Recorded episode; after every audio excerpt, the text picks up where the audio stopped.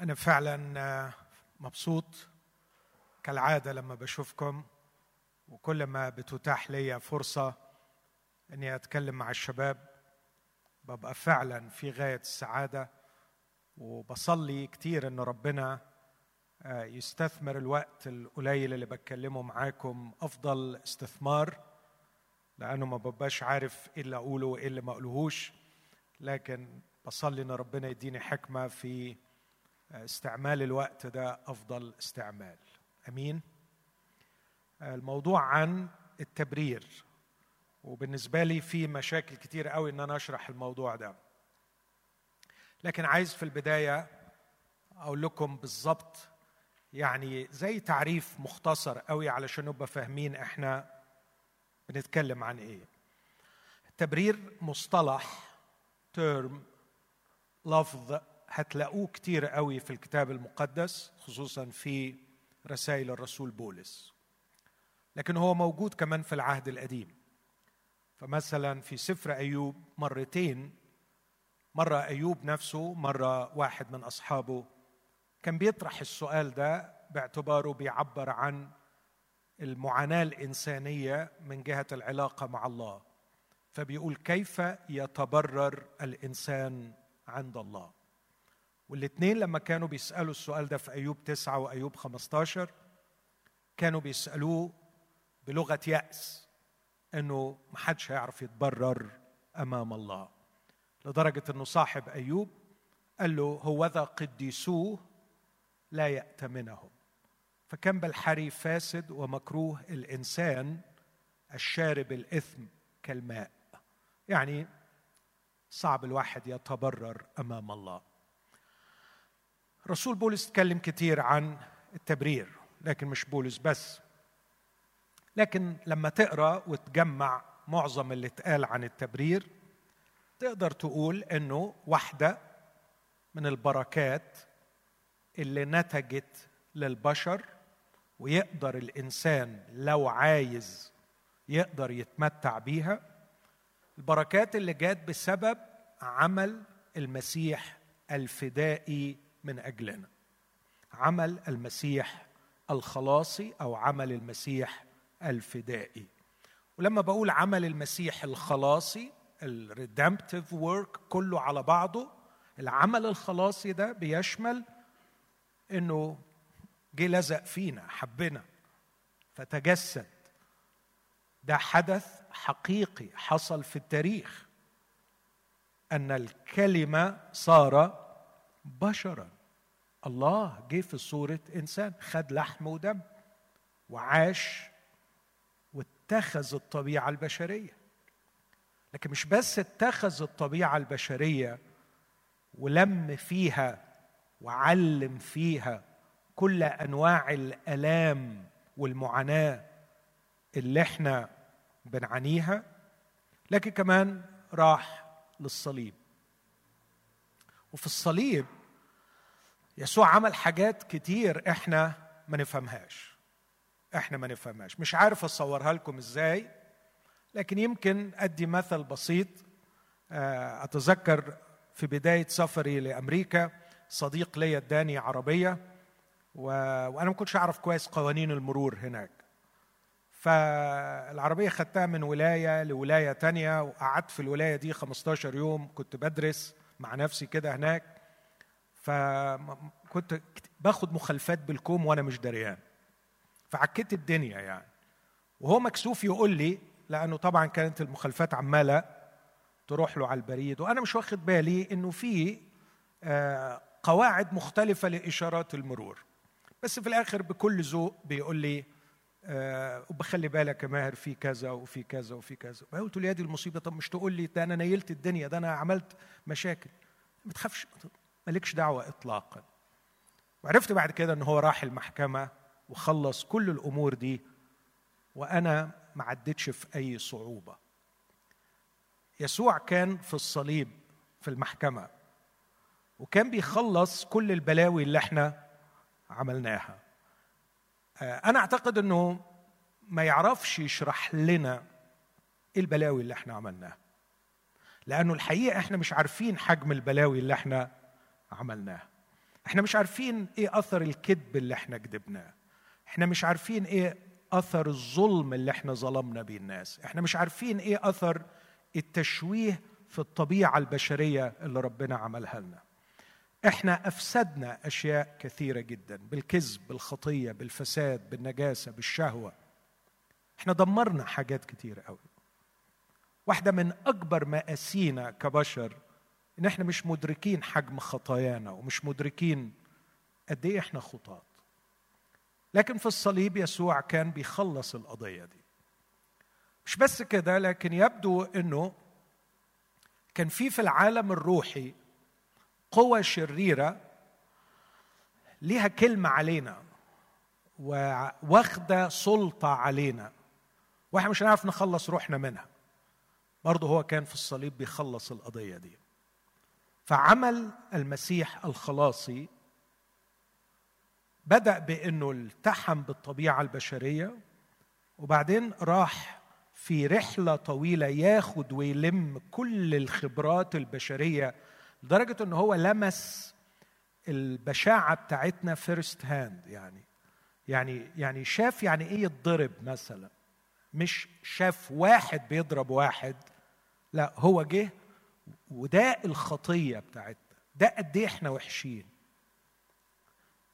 ده يعني إيه واحد يتف عليه. بصقوا على وجهه.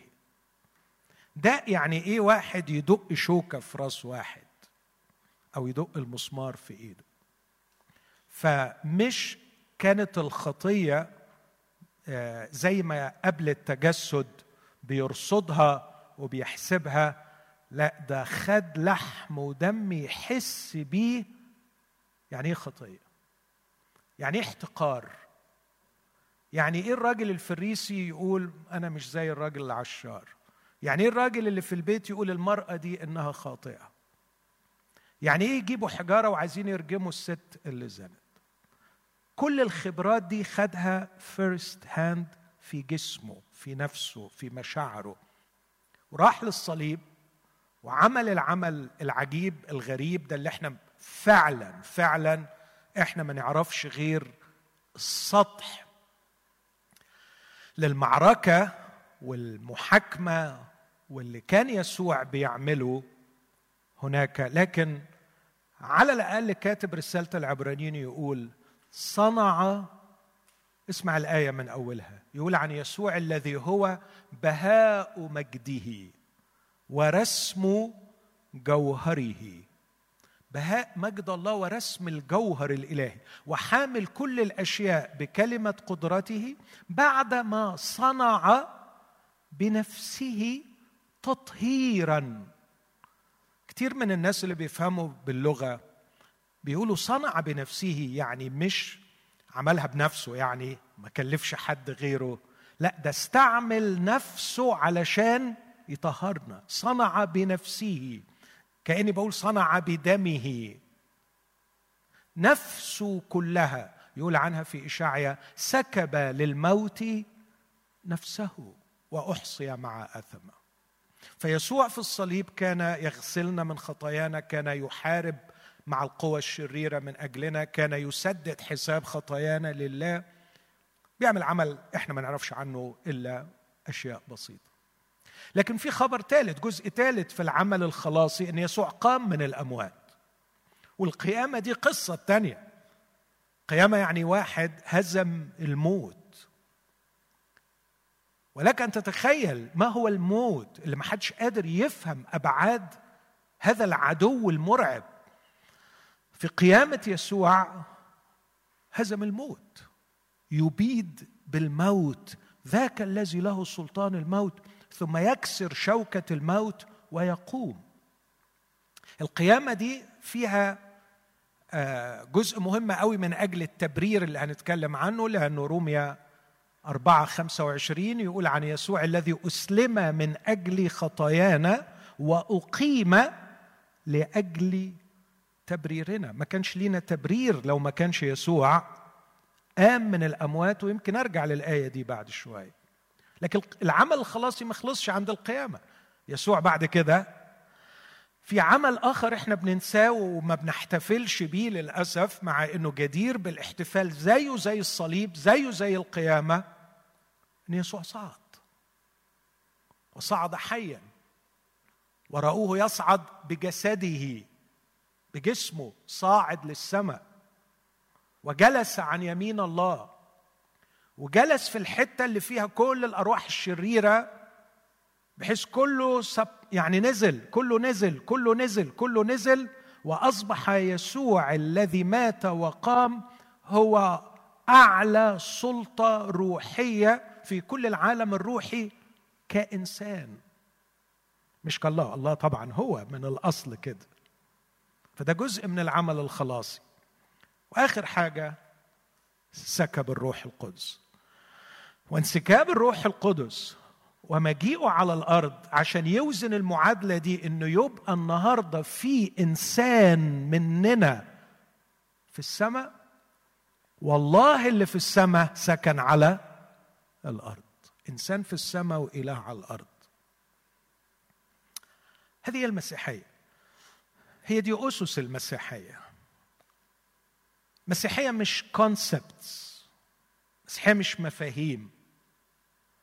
مسيحية إنه الله اخترق الزمن ودخل إلى التاريخ البشري وأخذ لحم ودم وصارع بهم ومات بهم وأمات الموت وقام وصعد بطبيعة بشرية ليجلس في دائرة روحية ويرسل الروح القدس ليسكن فينا ويخلق منا نوع جديد من البشر.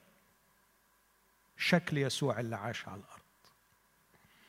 فيبقى في في التاريخ البشري واقع ملموس حقيقي في رياليتي ملموسة إن في ناس على الأرض عايشين شبه اللي عاش من ألفين سنة. بيدوروا على التعبان بيدوروا على المجروح واللي ولاده سابوه يطبطبوا عليه ويحكوا معاه. بيحبوا بيغفروا. بيعيشوا بطهارة بنقاوة مش بيتحرشوا مش بيأذوا مش بيظلموا. عينيهم نقية إيديهم نقية لسانهم عفيف قلبهم نقي دوافعهم حلوة. ده العمل الخلاصي اللي الله عمله. هذا العمل الخلاصي اللي يسوع عمله ترتبت عليه بركات متاحة موجودة النهاردة لغاية النهاردة بنبشر بيها بالنادي وبنقول تعالى يستطيع أي إنسان إذا أراد أن يكون له نصيب في هذه المجموعة من البركات. زي إيه البركات دي؟ زي لما بنسمع تعبير الغفران غفران الخطايا. بنسمع تعبير المصالحة. بنسمع تعبير التبرير. بنسمع تعبير الحياة الأبدية. بنسمع تعبير الدخول إلى ملكوت الله. بنسمع تعبير الخلاص. كل مصطلح من دول يختلف عن الثاني ويرصد جانب من جوانب البركات الكتير اللي تقدر تدخل إليها وتشترك فيها وتختبر نتائجها عمليا في حياتك تختبرها عمليا في حياتك من دلوقتي وتقدر كمان تنمو فيها. ففي المصالحة تقدر تنمو في المصالحة في التبرير تقدر تاخد التبرير وتنمو في التبرير في وعيك بالتبرير واستمتاعك بالتبرير. تقدر تدخل للحياة الأبدية وتعرف يعني إيه الحياة الأبدية وتتعمق فيها وتنمو في الحياة الأبدية. اذا التبرير هو واحدة من البركات التي صارت متاحة للإنسان إذا أراد بسبب عمل المسيح الخلاصي في التجسد والموت والقيامة والصعود وإرسال الروح القدس. ندخل أكثر شوية نحاول نقرب من حتة التبرير. يعني إيه التبرير؟ ليه؟ ليه البركة دي؟ الاسم اليوناني بتاعها أو حتى في الاسم العبري بيعني اتساق. الكلمة دي يمكن صعبة بالعربي شوية. انسجام. لو في حاجة مستوية تمشي معاها ما تعوجش عنها ما تخبطش فيها تبقى متسق معها. فلما بنسمع إن الله من قبل ما يخلق بار وبنسمع عن حاجة اسمها بر الله. بر الله واحدة من أجمل الأشياء في الله. إن الله نفسه في داخله متسق مع ذاته. الله في الداخل حركة دائمة ونشاط دائم. الله ليس كائن مصمت صامت. لكن الله في الداخل الآب والابن والروح القدس يفكر ويحب ويخلق ويبدع ويقضي ويدين.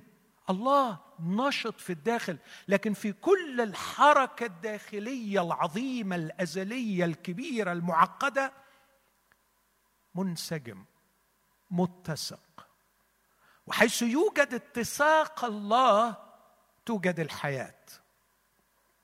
وعندما لا تتسق مع الله لا يبقى إلا الموت.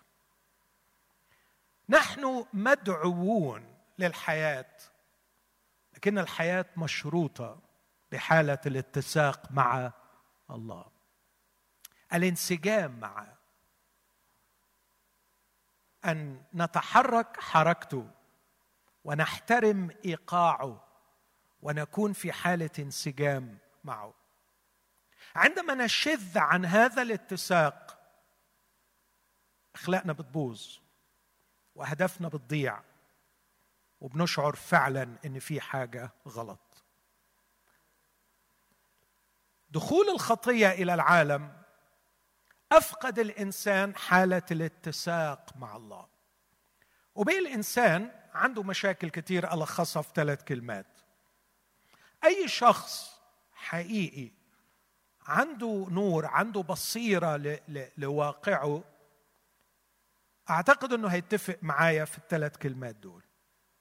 أنا بغلط أنا بخطي أنا خاطي الكلمة الثانية فأنا مش مجرد واحد بيعمل أخطاء لا المشكلة بتاعتي أعمق شوية. الأخطاء توصف الأفعال. أنا بعمل أفعال غلط. لكن الحقيقة مع الوقت أنا بكتشف إنه في انحراف معين في الكيان بتاعي. عارف زي العربية اللي خدت ضربة في الشاسيه؟ فكل شوية بتعمل إيه؟ ها؟ بتحدف منك. بتحدف منك. بتحدف منك.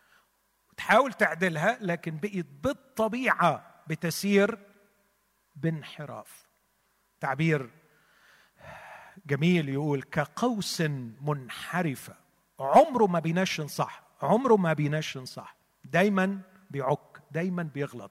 المشكلة مش إنه بيفعل فعل خطأ لكن هو نفسه بقي كيان كان غلط. لكن المشكلة الثالثه وهي الأصعب مش عارف أصلح نفسي. أنا بغلط أنا غلط أنا مش عارف أظبط نفسي. إذا كنت جربت الأحاسيس الثلاثه دول اطلب من الرب إنه بالروح القدس يفتح عينك على بركة التبرير. لأنه التبرير هو العلاج المسيحي لهذه المشكلة. إنك أخطأت فبتشعر بالذنب. ده اللي ممكن يترتب عليه. إنك خطاء ودايما دايما غلط تشعر بالخزي. عمري ما هكون good enough أنا دايما وبعدين وبعدين وبعدين. أتذكر يوسف ابني زمان وهو صغير قوي بالليل كده ومامته بتصلي معاه كان متعكنن شوية فبتقول له مالك حبيبي قال لها أصل أنا عملت حاجة غلط وأكيد بابي هيزعل مني دلوقتي. قالت له no يا حبيبي ما تقلقش ابدا أنت روح قول لبابا sorry وبابا أنت عارف هيسامحك يعني مفيش مشكلة. فانفجر في العياط وقال لها وإيه لازمة sorry يا ماما؟ إيه لازمة sorry؟ ما أنا برجع تاني أعمل نفس الغلط. إيه لازمة sorry؟ فجات قالت لي الحق ابنك في رومية سبعة من دلوقتي.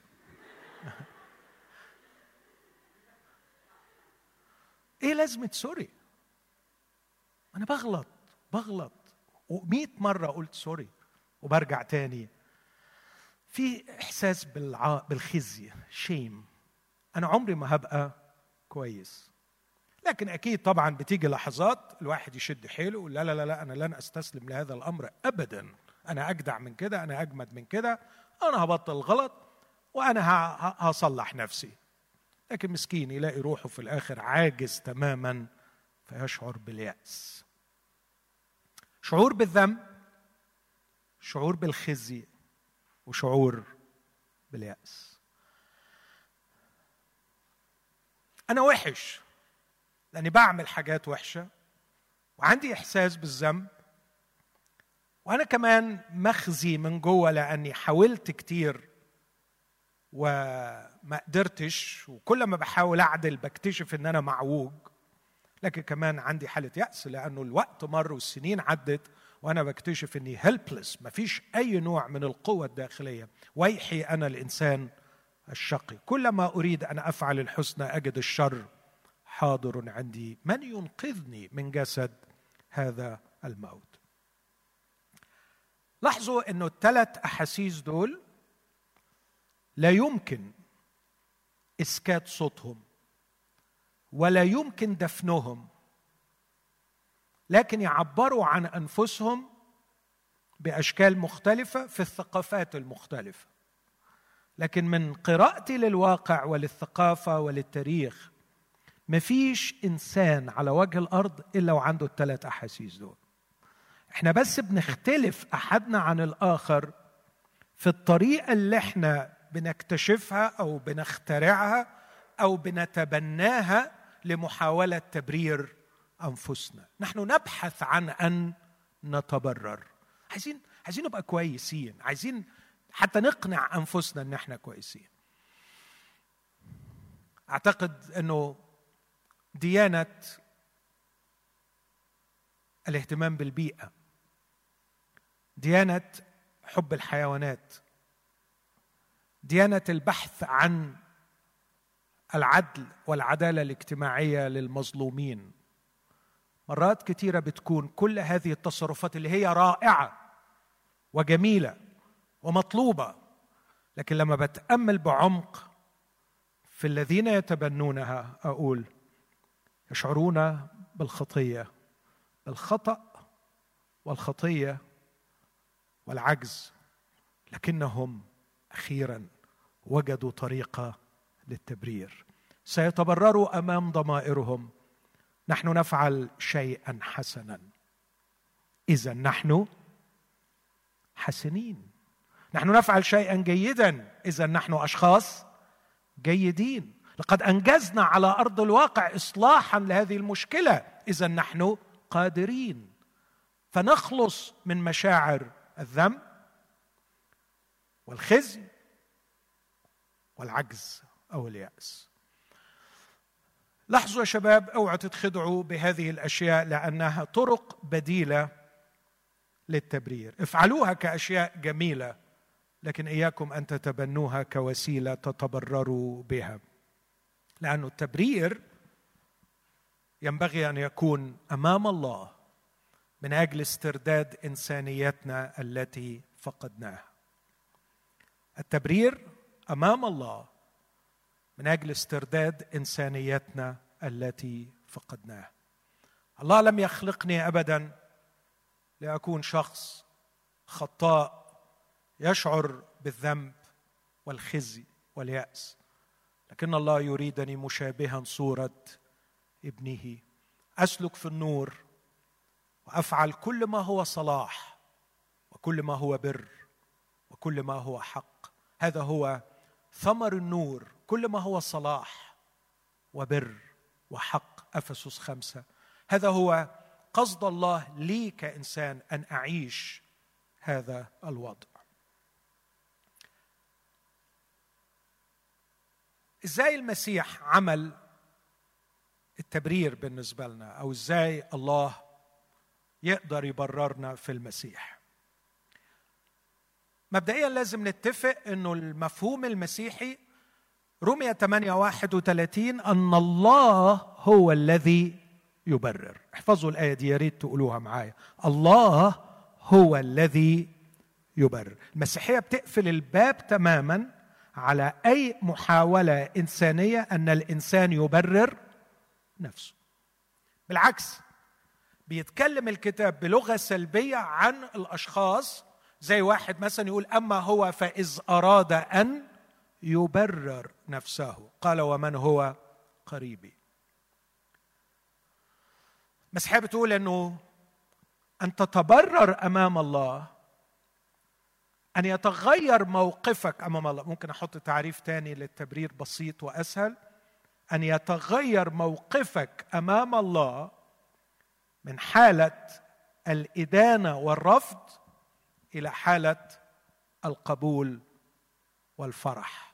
تبقى شاعر بأنك مقبول أمام الله وفرحان أمام الله. مش بس أنك مش مرفوض ومش مدان لكن ده أنت مقبول ومرحب بيك والله فرحان بيك. أن تنتقل من هذه الحالة إلى تلك من الموقف ده إلى ده ده ما تعرفش تعمله لنفسك. كتاب حاسب الله هو الذي يبرر. أنت ما تقدرش تبرر نفسك. عملية أكبر من إمكانياتك. الله هو الذي يبررك. وأنا جاي علشان يعني أكلمكم في الموضوع ده كنت عايل هم حاجتين. وخلوني أقول لكم الحاجتين دول قبل ما أقول إزاي الله يبرر وإزاي نقبل التبرير بتاعه. الحاجة الأولانية إنه الزمن بتاعنا ده قدرات الإنسان بصفة عامة والشباب بصفة خاصة على التجريد على الأبستراكشن أصبحت أقل. والكلام اللي أنا بتكلمه ده بيتكلم شوية عن مفاهيم عن الله. خلونا أشرح لكم الحتة دي باختصار شديد. إحنا لما بيجي لنا مريض بنسأل على عشر حاجات. واحدة من الحاجات العشره اللي لازم ناخد بالنا منها قدرة الإنسان على ال abstraction. كل ما المرض النفسي بيزداد ويتدهور إمكانيات الإنسان العقلية كل ما قدرته على ال abstraction بتقل. يعني زي إيه مثلا؟ بنقيس الحكاية دي. بقول للشخص لو سمعت واحد بيقول للتاني على قد لحافك مد رجليك يقصد إيه؟ فغالبا هسمع رد من اتنين. يا إما ممكن تمتحنوا نفسكم قدرتكم على الأبستراكشن. لو لقيت واحد بيقول للتاني على قد لحافك مد رجليك تفهم إيه؟ على قد ظروفك عيش مش كده؟ على قد فلوسك اصرف. لكن كتير كنت أسمع يقعد يفكر يفكر وبعدين يقول لي آه يعني لما تبقى الدنيا برد يلم رجليه تحت اللحاف. ده اللي بنسميه concrete thinking ال abstraction هو إنك بتسمع مفهوم لكن لأن الله أعطاك إمكانية الخيال بتقدر تحول المفهوم إلى واقع. تقدر تاخد المفهوم وتتخيله في عالمك الملموس. لكن في ثقافة الفيديو وحيث التعليم من خلال الرؤيه ضمر عضو الخيال في عقولنا. فأصبحنا لا نستوعب يعني إيه أنا خاطي أمام الله؟ يعني إيه أنا أتبرر أمام الله؟ كأنها كونسبتس كانها مفاهيم ومش قادر تتخيلها. فكنت بعايل هم الصعوبة إزاي تقدروا تحسوا بالموضوع ده. لانكم جيل مسكين بيعاني بشدة من ضعف القدرة على ال abstraction وعشان كده أشجعكم إنكم تبطلوا تشوفوا videos وتقروا كتب.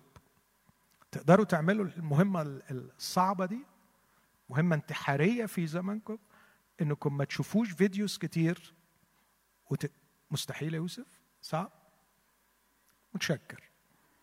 بيأسني بس مش هيأس برضو. أنا متأكد إن في ناس اقرأ اقرأ اقرأ وإفضل اقرأ علشان تنقذ ما تبقى من قدرتك على التخيل. لكن لأني عارف إن ده صعب شوية دلوقتي عايزكم تتخيلوا معايا المشهد ده. الرسول بطرس في موقف خزي وشعور بالخطأ. خر عند ركبتي يسوع وقال له أخرج يا رب من سفينتي لأني رجل خاطئ. أنا عندي شعور شديد بالخزي وندمان قوي على زلة اللسان وعلى الفعل البشع. أنا مش عارف إيه الحماقة اللي جاتني عشان أسخر وأتريق وأتكلم باللغة دي وأقول لك تعبنا الليل كله لم نمسك شيء لكن حاضر هوري لك بس عشان تتفرج إنه ما فيش. فرح رامي شبكة واحدة بينما الرب يقول إلقوا شباككم للصيد. تصرف لا, لا, لا لم يحترم فيه يسوع كرب لكن خدوا بالكم هو كان بيقول له يا معلم في الأول بس لما ركع عند رجلين يسوع قال له اخرج يا رب. كان عنده رعدة أنا في حضرة الرب. هذا المنظر إنه شخص لسه عامل عملة سودة قايل كلمة خايبة تصرف تصرف أحمق. شيء مهين إنه يعمله وبعدين يفاجأ بالمنظر الحضرة الإلهية وهي تستعرض في سلطان على البحر والسمك يجي مش في ميعاده. بعد ليلة مش عارفين نمسك فيها ولا سمكة. امتلأ بالخوف امتلأ بالرعدة. مين ده؟ فليه روحه بيقول ما ينفعش أنا وأنت نبقى في مركب واحد. اخرج. لكن يسوع ساعتها قال له بص أنا كل اللي كنت بطلبه إنه يبقى عندك هذا الإحساس. أن يخلق فيك هذا الإحساس معناها أن الحياة بدأت تدب فيك. ما تخافش.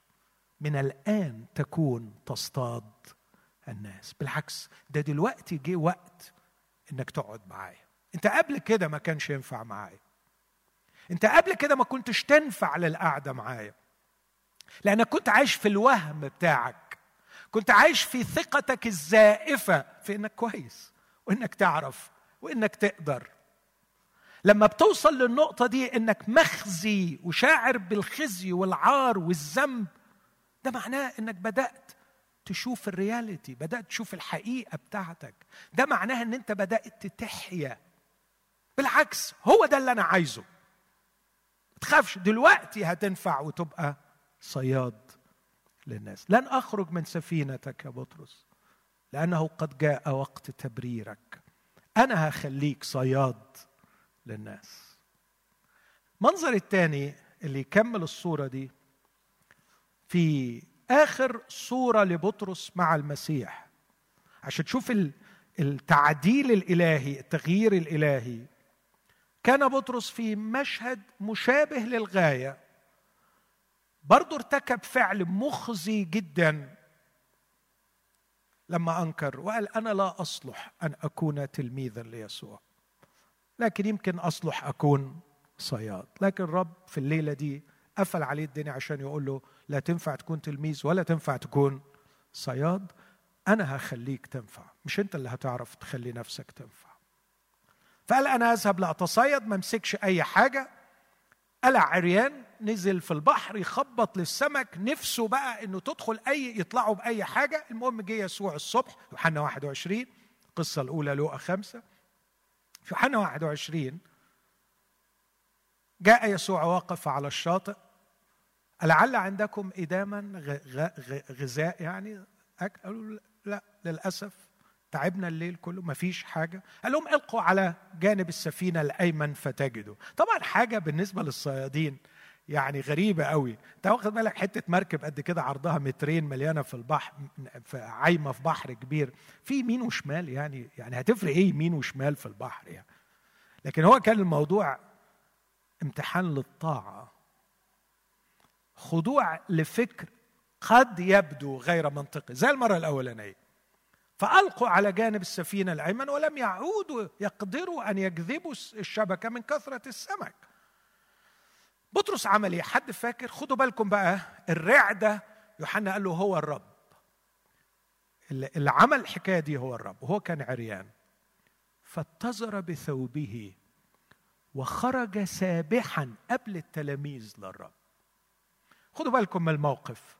الرعدة في حضرته في مشهد خزي وعاري تجعلني أريد أن يخرج من سفينته لكن بعد أن عرفت من هو هذا الشخص وكيف هو يريد أن يبررني ويريد أن يخلصني ويريد أن يقربني ويريد أن يعالجني.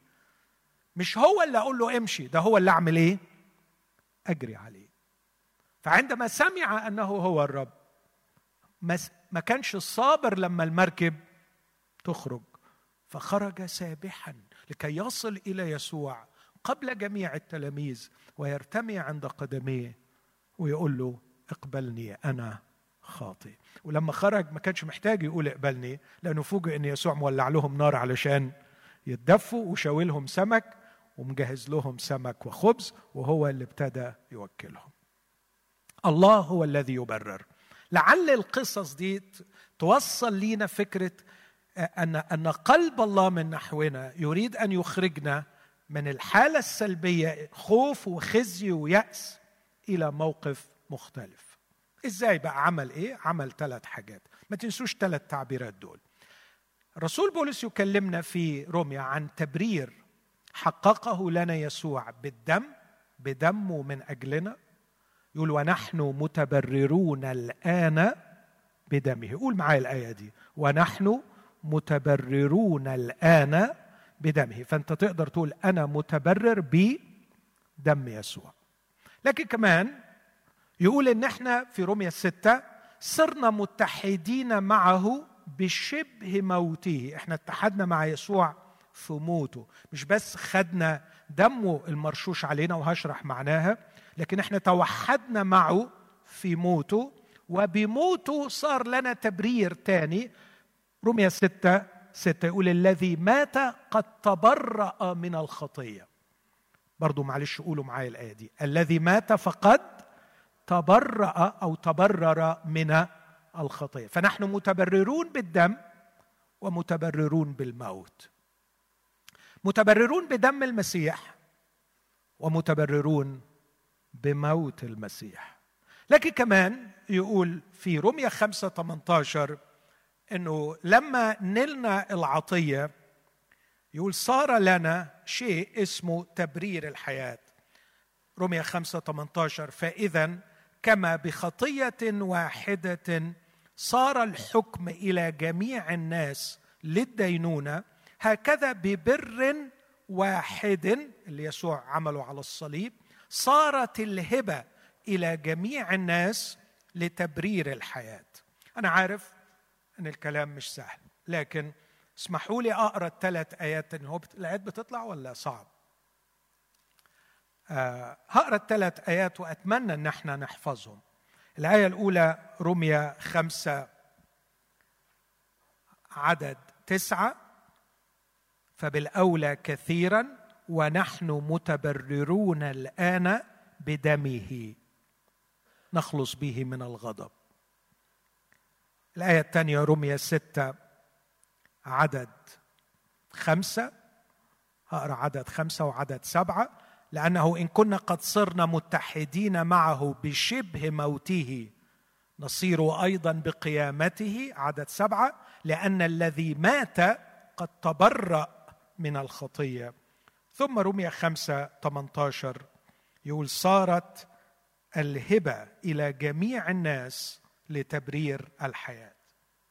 علشان التسهيل أنا ترش علي دم المسيح وأنا اتحدت مع المسيح ومت مع المسيح وأنا بالروح القدس أخذت حياة المسيح.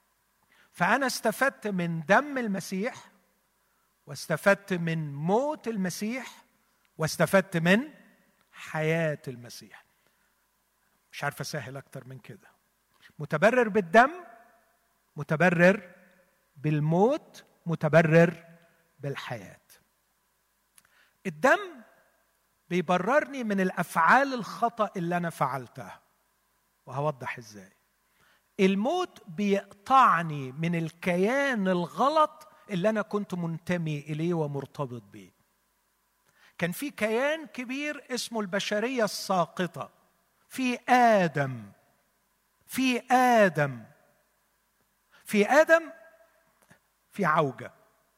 في آدم ما تحاولش تصلح لأنه هيرجع يحدف تاني. أنت محتاج تتقطع من آدم ويتم غرسك في كيان جديد اسمه في المسيح أن أقطع من آدم وأصير في المسيح ده عمل صليب المسيح وليس عمل دم المسيح.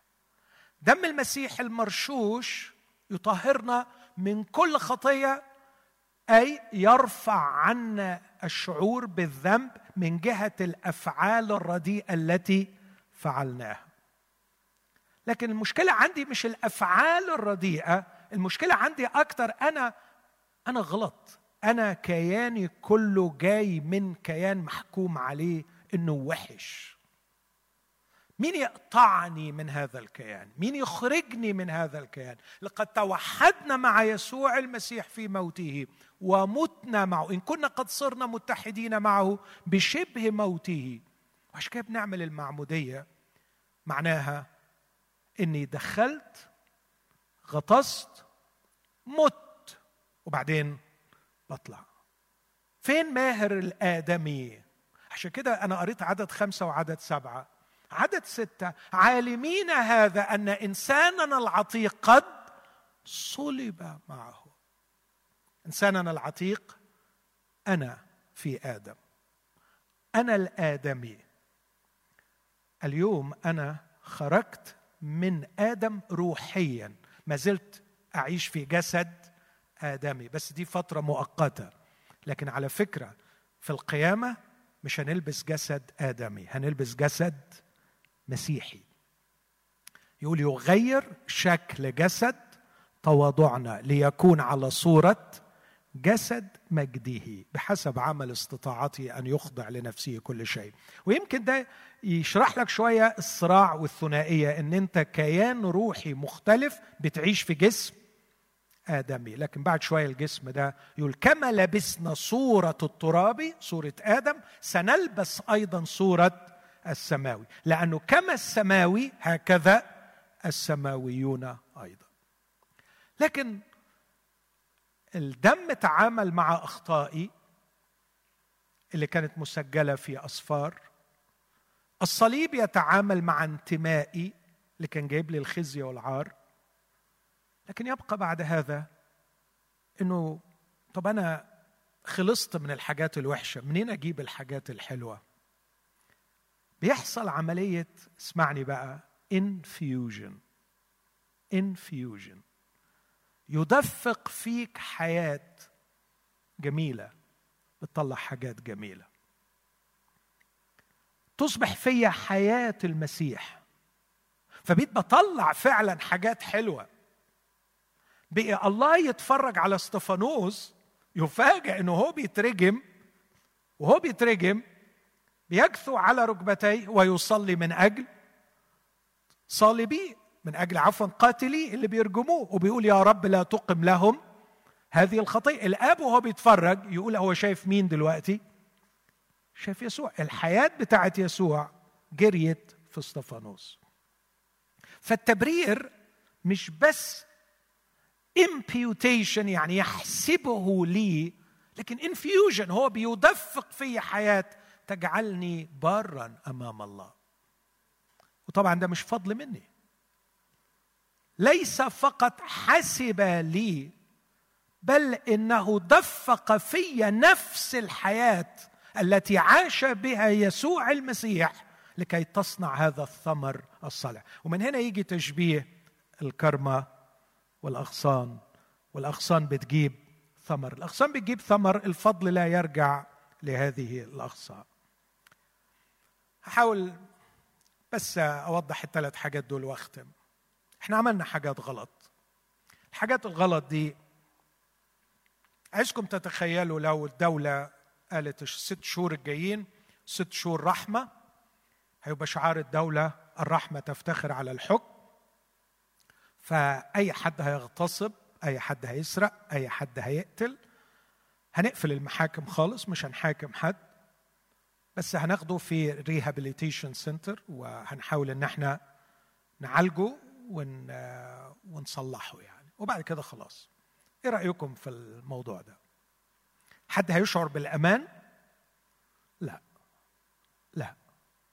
عقولنا لا تقبل ضمائرنا لا تتحمل. أن لا يكون هناك عقاب وعقاب صارم لمن يخطئ. لابد أن تكون هناك عدالة عقابية على الأفعال الخاطئة. إحنا عملنا أفعال خاطئة. عملناها في حق الناس وفي حق الله. بس للأسف عايزين ديانة تقول لنا معلش ربنا حنين ربنا رحيم. it's okay okay. ربنا قلبه كبير. هو فعلا ربنا قلبه كبير بس عمره ما يكون قلبه كبير على حساب العدالة العقابية. وكان لازم يشوف لها حل والمسيح حل المشكلة دي. إنه راح للصليب واختبر فعلا عقوبة كل الأفعال الرديئة التي نحن فعلناها. إحنا مش عارفين بشاعة اللي إحنا عملناه إحنا ما نعرفش الله شايفه إزاي. حقيقي ما نعرفش. ومهما قرينا الكتاب وشفنا قد إيه الله بيكره الخطايا يعني إيه واحد يغتاب واحد؟ يعني إيه واحد يقول كلام رديء على واحد من وراه فيها إيه يعني؟ ما كل الناس بتعمل ماشي غلط. آه خلاص يعني ام سوري بس انت ما تعرفش الله بيوزن الموضوع ده إزاي. ما تعرفش قلبه بيتكسر إزاي. ما تعرفش بيشوف حجم الظلم اللي بيقع على الآخر إزاي. لا الخطية وحشة والخطأ لابد أن يكون له عقاب. آه بس هروح في داهية أنا كده. أيوه صح. بس في واحد هيخلص المشكلة دي بدالك. فدخل يسوع إلى الصليب. وأنا ما أعرفش إزاي الله وراله خطاياي لكن المسيح كان هناك مجروحا من أجل معاصينا مسحوق لأجل أثم. ما تقدرش تكروت الآية دي وتقول ما هو يعني مات. لا على فكرة هو ما بيقولش مات. كان يعرف يقول مات من أجل خطايانا. لكن هو بيقول انه هو مجروح مسحوق واضحه تأديب. يعني إيه تأديب؟ يعني عقاب. عقاب. خطايانا تأديب سلامنا عليه. يعني العقاب اللي يخلينا ننجى إحنا ونستمتع بالسلام وقع عليه. الترجمة البسيطة والمشتركة العبارة اللي بعديها كلنا كغنم ضللنا ملنا كل واحد إلى طريقي والرب وضع عليه إثم عقاب أثامنا. لقد تحمل الرب يسوع أجرة خطاياي إلا أنا عارفها واللي أنا مش عارفها واللي أنا عارفها واللي أنا مش عارفها أنا مش متخيل شكلها وحجمها وبشاعتها وعقوبتها كما ينبغي. واضح ان مفيش حاجة فيهم اتمسحت كلها كانت موجودة لأن هو ده اللي هيدان بيه الناس في النهاية. هنا يبان فكرة دم المسيح. متبررون الآن ونحن متبررون الآن بدمه نخلص به من الغضب. الغضب الذي تستوجبه هذه الأثام والخطايا اللي إحنا عملناها.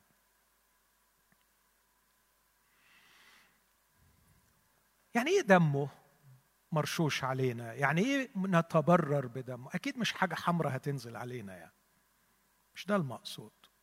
لكن الدم يتكلم عن الذبح المعاناة الألم الذي تحمله المسيح.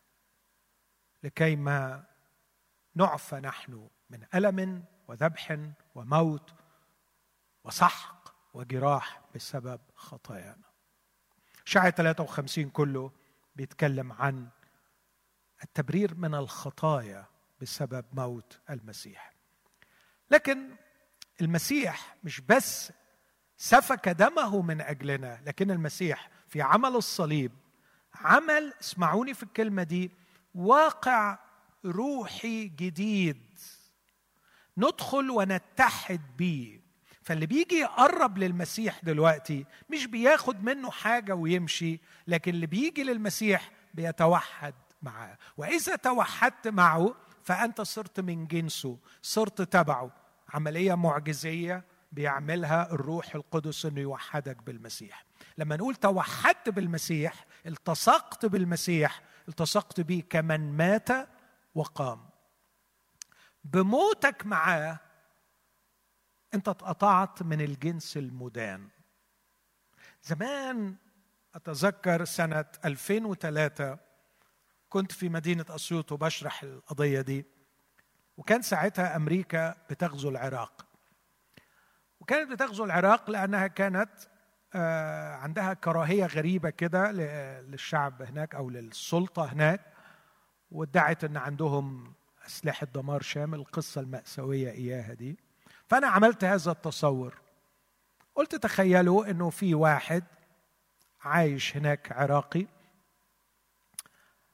آه، فاشل عمل حاجات كتيرة وحشة خرب كسر القوانين كلها لكن في حد حبه وقال له أنا هنقذك من كل نتائج أفعالك فسدد كل الديون بتاعته وخلصه من السجن ومن العقوبات.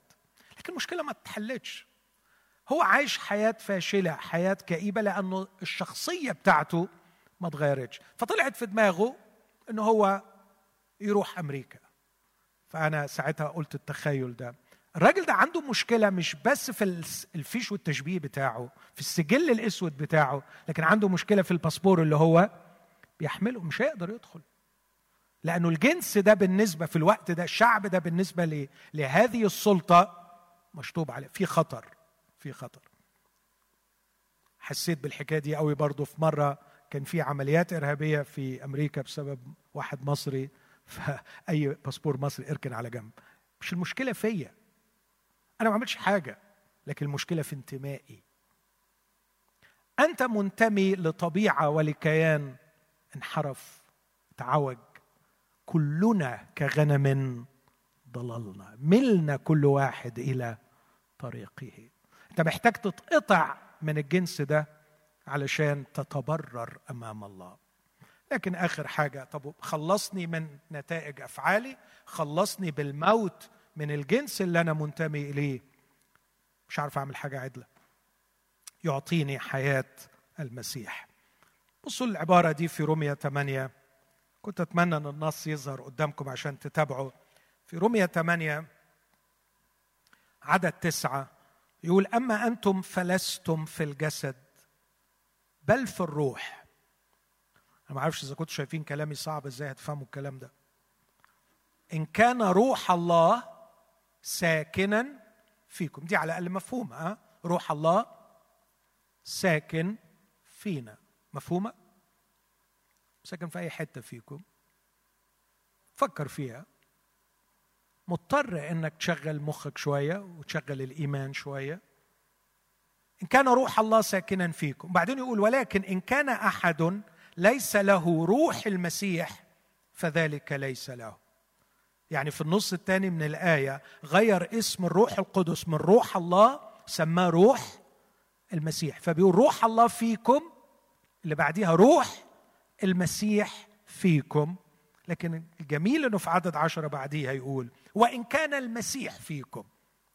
فبيقول روح الله فيكم روح المسيح فيكم يعني المسيح فيكم. لأن روح المسيح فينا مش جاي علشان يعمل أي حاجة غير إنه يخلق فينا حياة المسيح.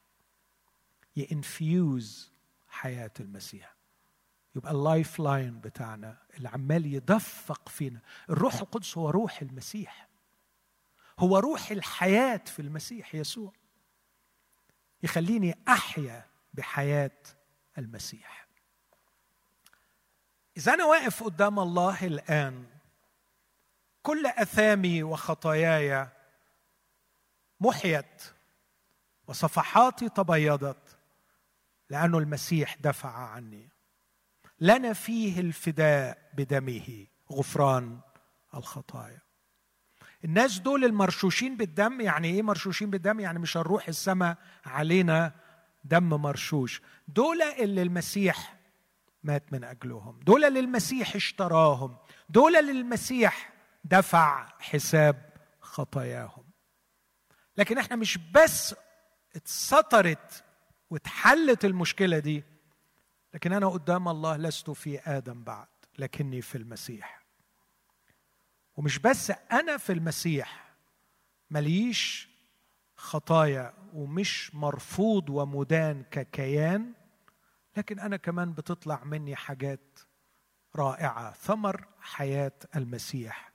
فيا هذا هو التبرير هذا هو موقفي الآن أمام الله. الله مسرور بيا الله بيقول لي أنا مش شايف الخطايا والأثام لأني محوتها أنا مش شايفك في آدم انيمور بالعكس أنا شايف حاجات جميلة طالعة من حياة المسيح فيك. لو أنت أمنت بالكلام ده واقتنعت بيه وفهمته أعتقد إنك ممكن تتعامل بشكل صحيح مع الشعور بالذنب مع الشعور بالخزي مع الشعور بالعجز. تتعامل بشكل صحيح مع الشعور بالذنب لأنك أنت أتيت إلى دم المسيح الذي يطهرنا من كل خطية. عارفين الآية دي؟ لما يقول ان اعترفنا بخطايانا هو أمين وعادل لأن دم يسوع المسيح ابنه يطهرنا من كل خطية. مش معناه إنه هيترش عليك من جديد لكن أنت ارتبطت بهذا الدم وهذا الدم له فاعلية مستمرة أنه يجعلك دائما طاهر أمام الله. ده مش معناه إنك هتستحلى إنك تعمل خطية. حاشا بالعكس. بس حيثما تخطئ إن أخطأ أحد لنا شفيع عند الأب. اعترف بخطاياك لكن أرجوك ما تعترفش بخطاياك إلا وأنت شايف صليب يسوع المسيح وشايف دم المسيح اللي يطهرنا من كل خطيه ولما تشعر بالخزي وبالعار تذكر إنك اعتمدت ومت وخرجت من هذا الكيان. الله مش شايف اللي أنت شايفه. اللي أنت شايفه مات أمام الله ادين أمام الله اتدفن أمام الله مش موجود. صدقني في اللي بقوله لك اللي انت شايفه زهقان منه ليس له وجود أمام الله. ده راح. والحاجة الثالثة والأخيرة ما تضيعش وقتك في إنك تحاول أن تنتصر على الأشياء اللي بتعكسك وبتعطلك الحاجات القبيحة. أرجوك استثمر في قوة الحياة اللي جواك. الروح القدس جواك يدفق حياة يسوع. كل اللي مطلوب منك إنك توجد نفسك في مجال عمل الروح القدس وتاكل وتاكل وتاكل. الروح القدس عمال يطلع الحاجات الجميلة. أنت زانق روحك في إني أنا هصلح هذا الآدمي اللعين. هصلحه. يا حبيبي ربنا خلص منه. هو ما بتصلحش لا لا لا أنا هظبطه واعمل له شوية psychotherapy هيتظبط. انت محتاج تستثمر في قوة الحياة. عارفين آه، منهجية ال positive psychology بجد فكرة عبقرية. قال لك هو إحنا زانقين روحنا في السيكولوجي ليه في البني آدمين؟ إن إحنا مصرين نصلح ال anxiety ومصرين نصلح ال depression طب هو البني آدمين ما فيهمش غير anxiety و depression ما البني آدمين فيهم مواهب وفيهم حاجات جميلة. ما إحنا يمكن لو استثمرنا في الحاجات الحلوة اللي فيهم الحاجات دي تقوى وتكبر هي اللي تعالج ال anxiety وال depression بتاعهم يمكن مش بقول إن هو ده بالظبط لكن حاجة تشبه كده. إذا كانت فينا حياة المسيح طب ما تغذوا حياة المسيح فيكم بكلمة الله بالتواجد مع المؤمنين بال community service بإنكم تخرجوا وتخدموا وتعيشوا وتحبوا بعض وترتبطوا ببعض. حياة المسيح فيكم تقوى. وما انتوش محتاجين إنكم توص يعني توجهوا أسلحتكم لمحاربة الإعوجاج الآدمي ومحاولة إصلاحه. تشبيه أخير يمكن يمكن. ما هوش دقيق. واحد قال ربطنا نسر في كلب. هتجوع النسر وتوكل الكلب هيفضل الكلب ساحب النسر. توكل النسر وتجوع الكلب النسر هيطير ويسحب الكلب معاه. مش تشبيه لطيف قوي بس يعني يمكن يوصل الفكرة. أنت سماوي مرتبط بدائرة حياة جديدة دائرة عمل الروح القدس. اشبع الحياة دي يا أخي. هتسحبك لفوق. إن كنتم قد قمتم مع المسيح اطلبوا ما فوق حيث المسيح جالس. كيف تفعل التبرير؟ تفعله بأن تتذكر دائما وتوجد نفسك دائما تحت تأثير عمل دم المسيح. تذكر نفسك دائما وتعيش فعلا على أنك لم تعد في آدم. لقد تغير انتمائك يعني تعرف هويتك تعرف أنت مين دلوقتي. ثم اطعم الحياة الجديدة فيك اطعم الحياة الروحية. لا تنفق الوقت وتضيعه في محاولة إصلاح كيان معوج الله حكم عليه بالموت لأنه ما ينفعش. تشبيه اللي قلته لكم مرة قبل كده؟ عندي حتة حديد تحت تقيلة مش قادر أرفعها. شغل مجال مغناطيسي فوقيها. تطلع وتطير وتقول ناموس المغناطيسية الكهربائية. أعتقني من ناموس الجاذبية الأرضية صح؟ تقعد تشيل مش قادر تشيل. أوجد نفسك في مجال عمل الروح القدس. غذي حياة المسيح فيك. هتلاقي روحك بتاكل بتشبع. وعلى فكرة ده تقدر تعمله بقى. لأنه جواك الروح القدس وجواك حياة المسيح وأنت جواك عطش روحي للحاجات الحلوة. اشبعه نميه. اهرب شوية من الحاجات اللي ملهاش معنى وملهاش لازمة. واغمس نفسك في مجال عمل الروح القدس. تلاقي روحك بتعيش وبتتحرر. نعم الله هو الذي يبرر لكن أنا علي مسؤولية أن أستمتع بهذا التبرير وأن أفعله في حياتي. أمين يا شباب؟ أنا عارف إنه الكلام مش سهل وصعب لكن ده اللي قدرت أبسطه ده آخر ما عندي. إن شاء الله ربنا يكمل نقصي ويخليكم تستفيدوا. خلونا نقف مع بعض وهنصلي مع بعض صلوتين. الصلوة الأولانية إذا كنت فعلا حاسس إنك محتاج الكلام ده يا بختك. ده معناها إنك بدأت تحيا بتحس أهلا يا جوز. قل له يا رب أنا أخطأت. شاعر بالذنب وأنا خاطي أعوج وأنا عاجز مش عارف أحل مشكلتي. لكن النهارده أنا بسمع خبر حلو إن أنت اللي بتبرر. بتبرر؟ يعني مش بتديني شهادة براءة. أنت بتنقلني. أنت بتغير وضعي قدامك يا رب. يا رب أنت اللي تقدر تغير وضعي. أنت اللي تقدر تنقلني. من دائرة الذنب والخزي والعجز إلى دائرة الحرية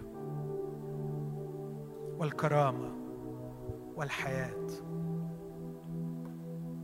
الله هو الذي يبرر. وإذا الله بررك من هو الذي يدين؟ هكذا يتحدى بولس إذا الله برر من هو الذي يدين؟ لا أحد. لا شيء من الدينونة. عليك. إذا الله بررك. اطلب من الرب الطلبه دي وقول له انقلني انقلني أنت. غير وضعي بررني لأني لا أستطيع أن أبرر نفسي.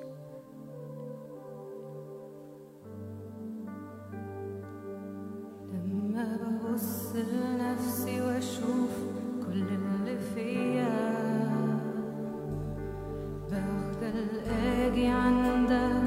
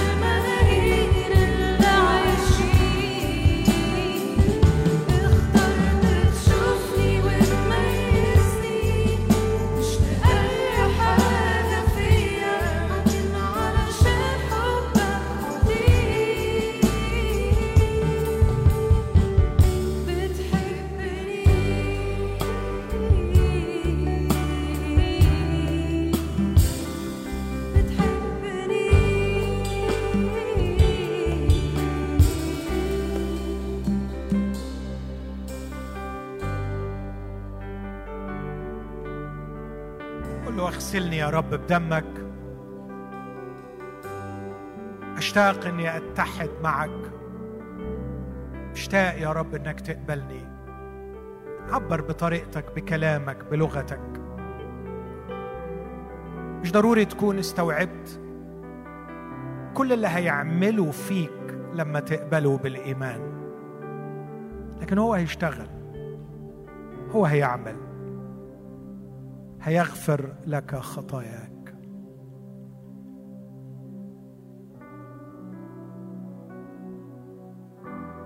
دمه الكريم المسفوك من اجلك قال عنه يسوع هذا هو دمي الذي يسفك من أجل مغفرة الخطايا.